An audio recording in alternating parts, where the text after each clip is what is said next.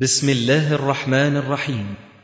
تسجيلات السلف الصالح للصوتيات والمرئيات والبرمجيات. تقدم هذا الإصدار لفضيلة الشيخ الدكتور محمد إسماعيل.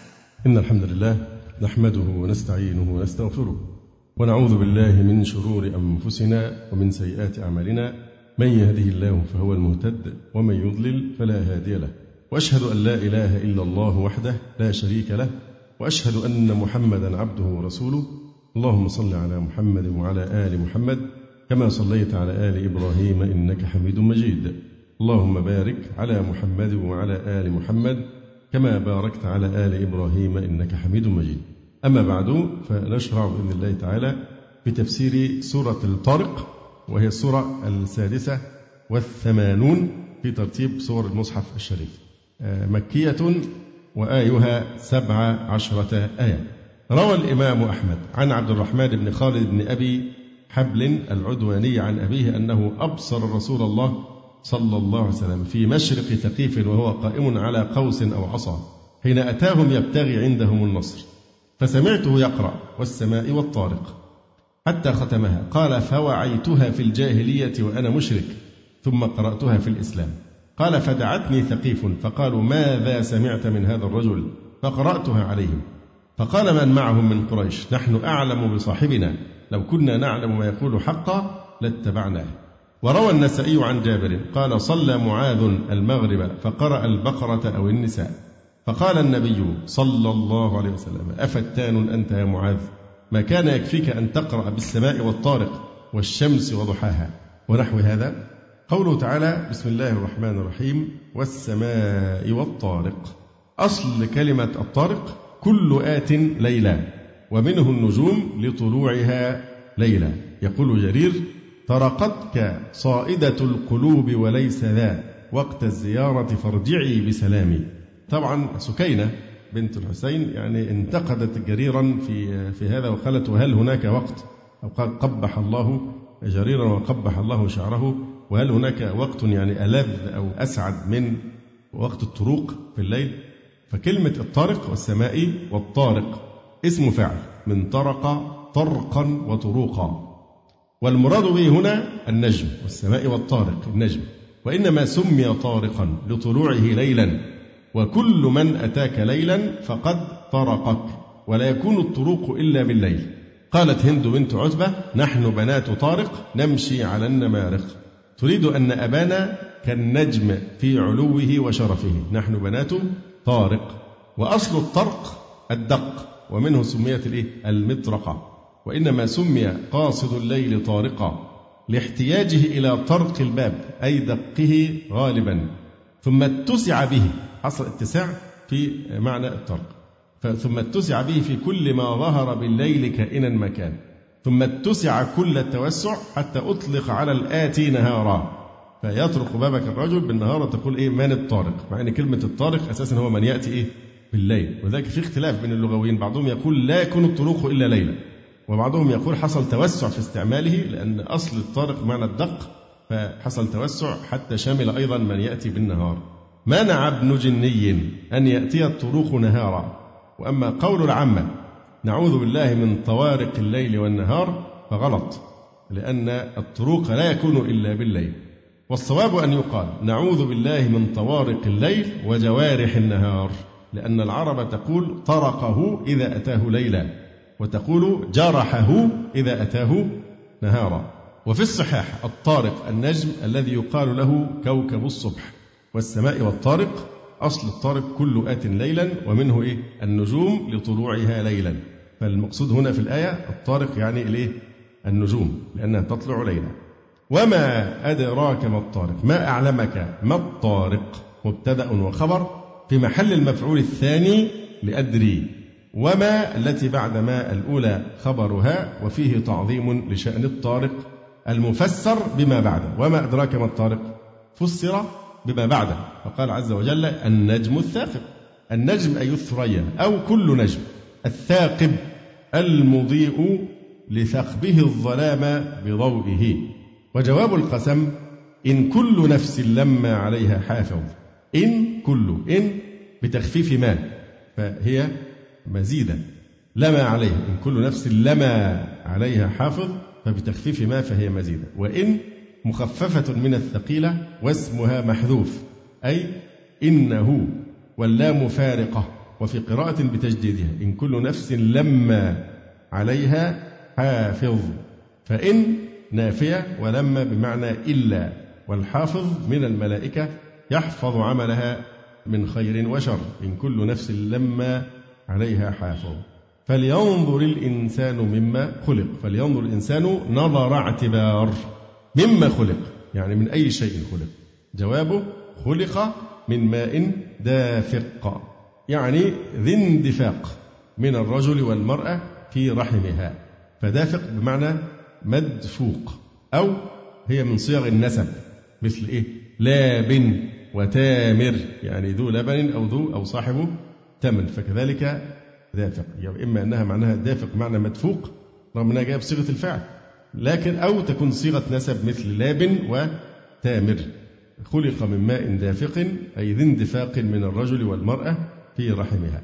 يخرج من بين الصلب والترائب. الصلب عظم في الظهر ذو فقار اللي هو العمود الفقري. يعني.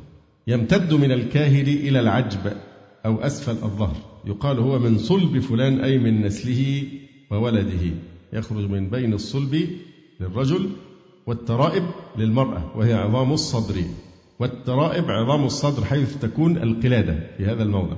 على أي الأحوال هي الصلب والترائب فيها كلام سنوضحه إن شاء الله تعالى. إنه على رجعه لقادر. طبعا اشتهر عند المفسرين أن الصلب والترائب صلب الرجل وترائبه وصلب المرأة وترائبها. لكن أصحاب الإعجاز العلمي يعني يدرجون هذه الآية ضمن آيات التي حوت إعجازا علميا وإخبار عن حقائق علمية لم تكن معروفة قبل ذلك.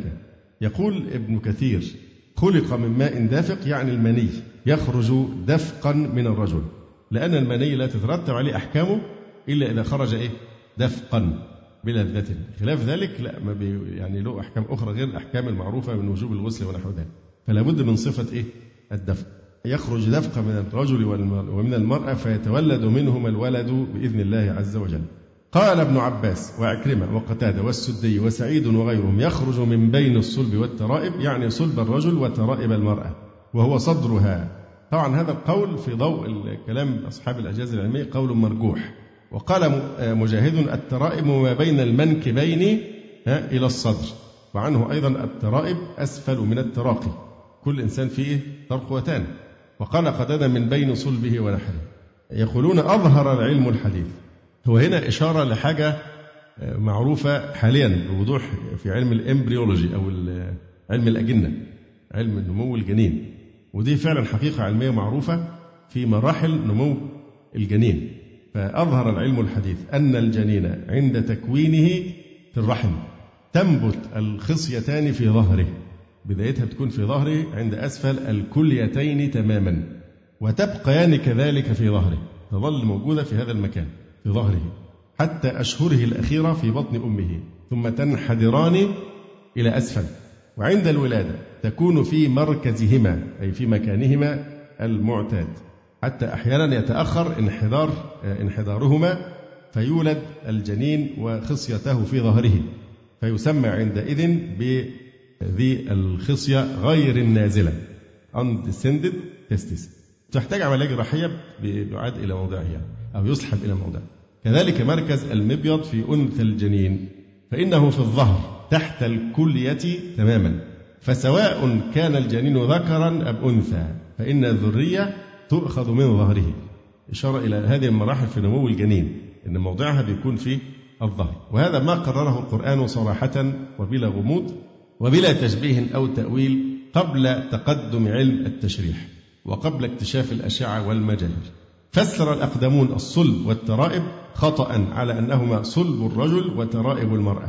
ولو كان الأمر كذلك لكان التعبير يخرج من الصلب ومن الترائب. لكن الله سبحانه وتعالى قال يخرج في كلمة إيه؟ من بين الصلب والترائب. يعني سواء كان ذكرا أو كان أنثى. يخرج من بين الصلب والترائب.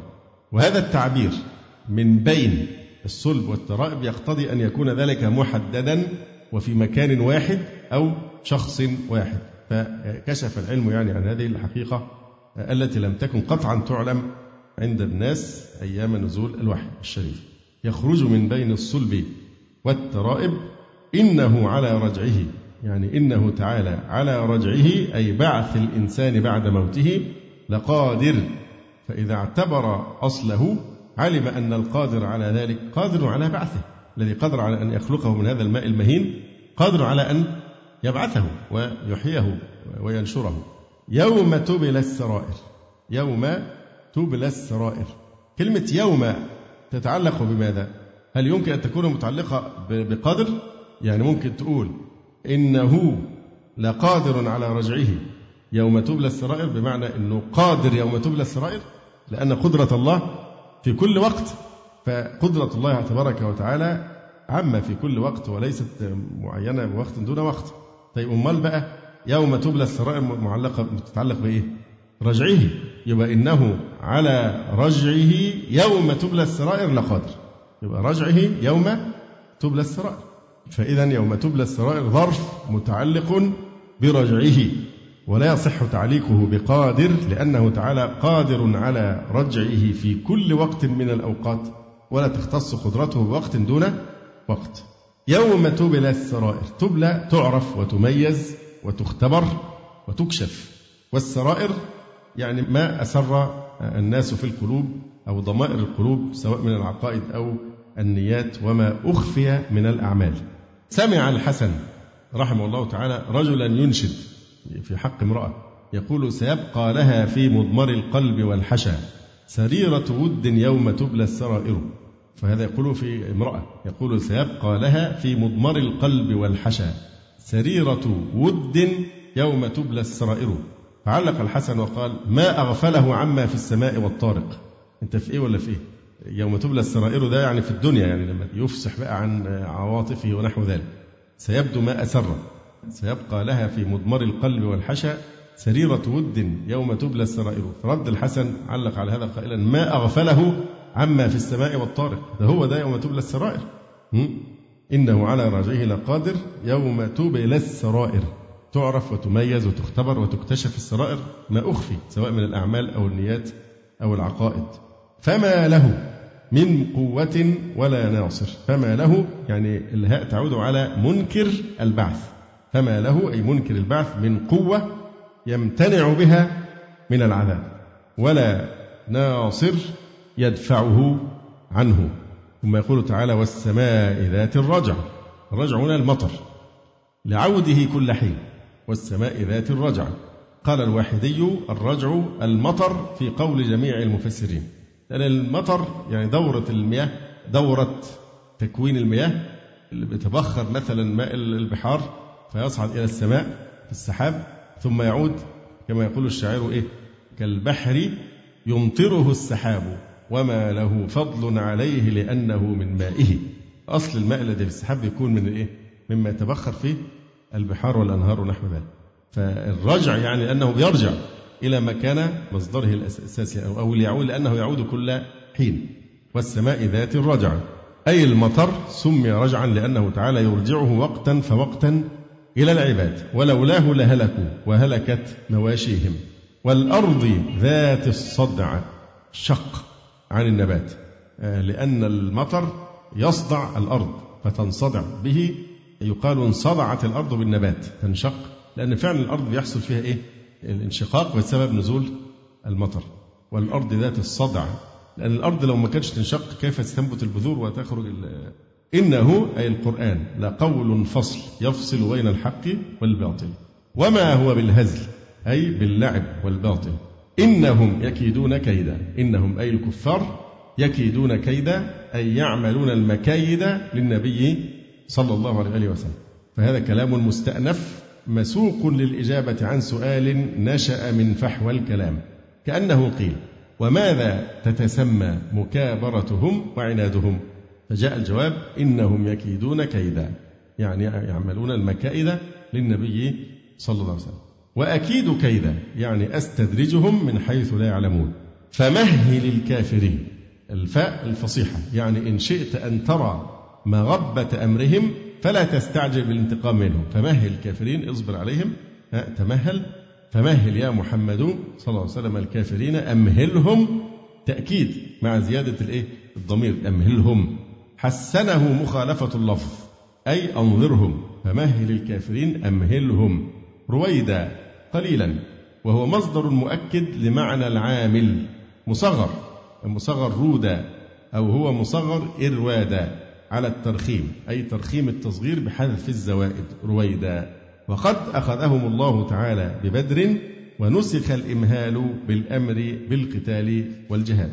يقول القاسمي رحمه الله تعالى إنهم أي المكذبين به الجاحدين لحقه يكيدون كيدا أي يمكرون مكرا لإبطال أمر الله وإطفاء نوره وأكيد كيدا أي وأمكر مكرا ومكره جل ثناؤه بهم إملاؤه إياهم على معصيتهم وكفرهم به. فمهل الكافرين أي لا تستعجل عقابهم أمهلهم يعني مهلهم فهو بدل منه بالتأكيد. رويدا أي قليلا. وفي ذلك وعيد شديد لهم بأن ما يصيبهم قريب سواء كان في الحياة الدنيا أو فيما بعد الموت. ثم فيه الوعد للنبي صلى الله عليه وسلم بل لكل داع إلى الحق الذي جاء به أنه سيبلغ من النجاح ما يستحقه عمله وأن المناوئين له هم الخاسرون. أقول قولي هذا وأستغفر الله لي ولكم. سبحانك اللهم ربنا وبحمدك أشهد أن لا إله إلا أنت أستغفرك وأتوب إليك. جزى الله فضيلة الشيخ خير الجزاء ونسأل الله جل وعلا أن يرفع مكانة الشيخ في المهديين وأن يجعله علما من أعلام الهدى والدين. ولا تنسونا وتنسوا الشيخ من دعوة صادقة بظهر الغيب. وتقبلوا تحيات إخوانكم في تسجيلات السلف الصالح بالإسكندرية. هاتف رقم صفر ثلاثة فاصل أربعة تسعة. أربعة سبعة ستة خمسة اثنان. والتليفون محمول صفر عشرة واحد ستة أربعة واحد تسعة ثمانية صفر. والسلام عليكم ورحمة الله وبركاته.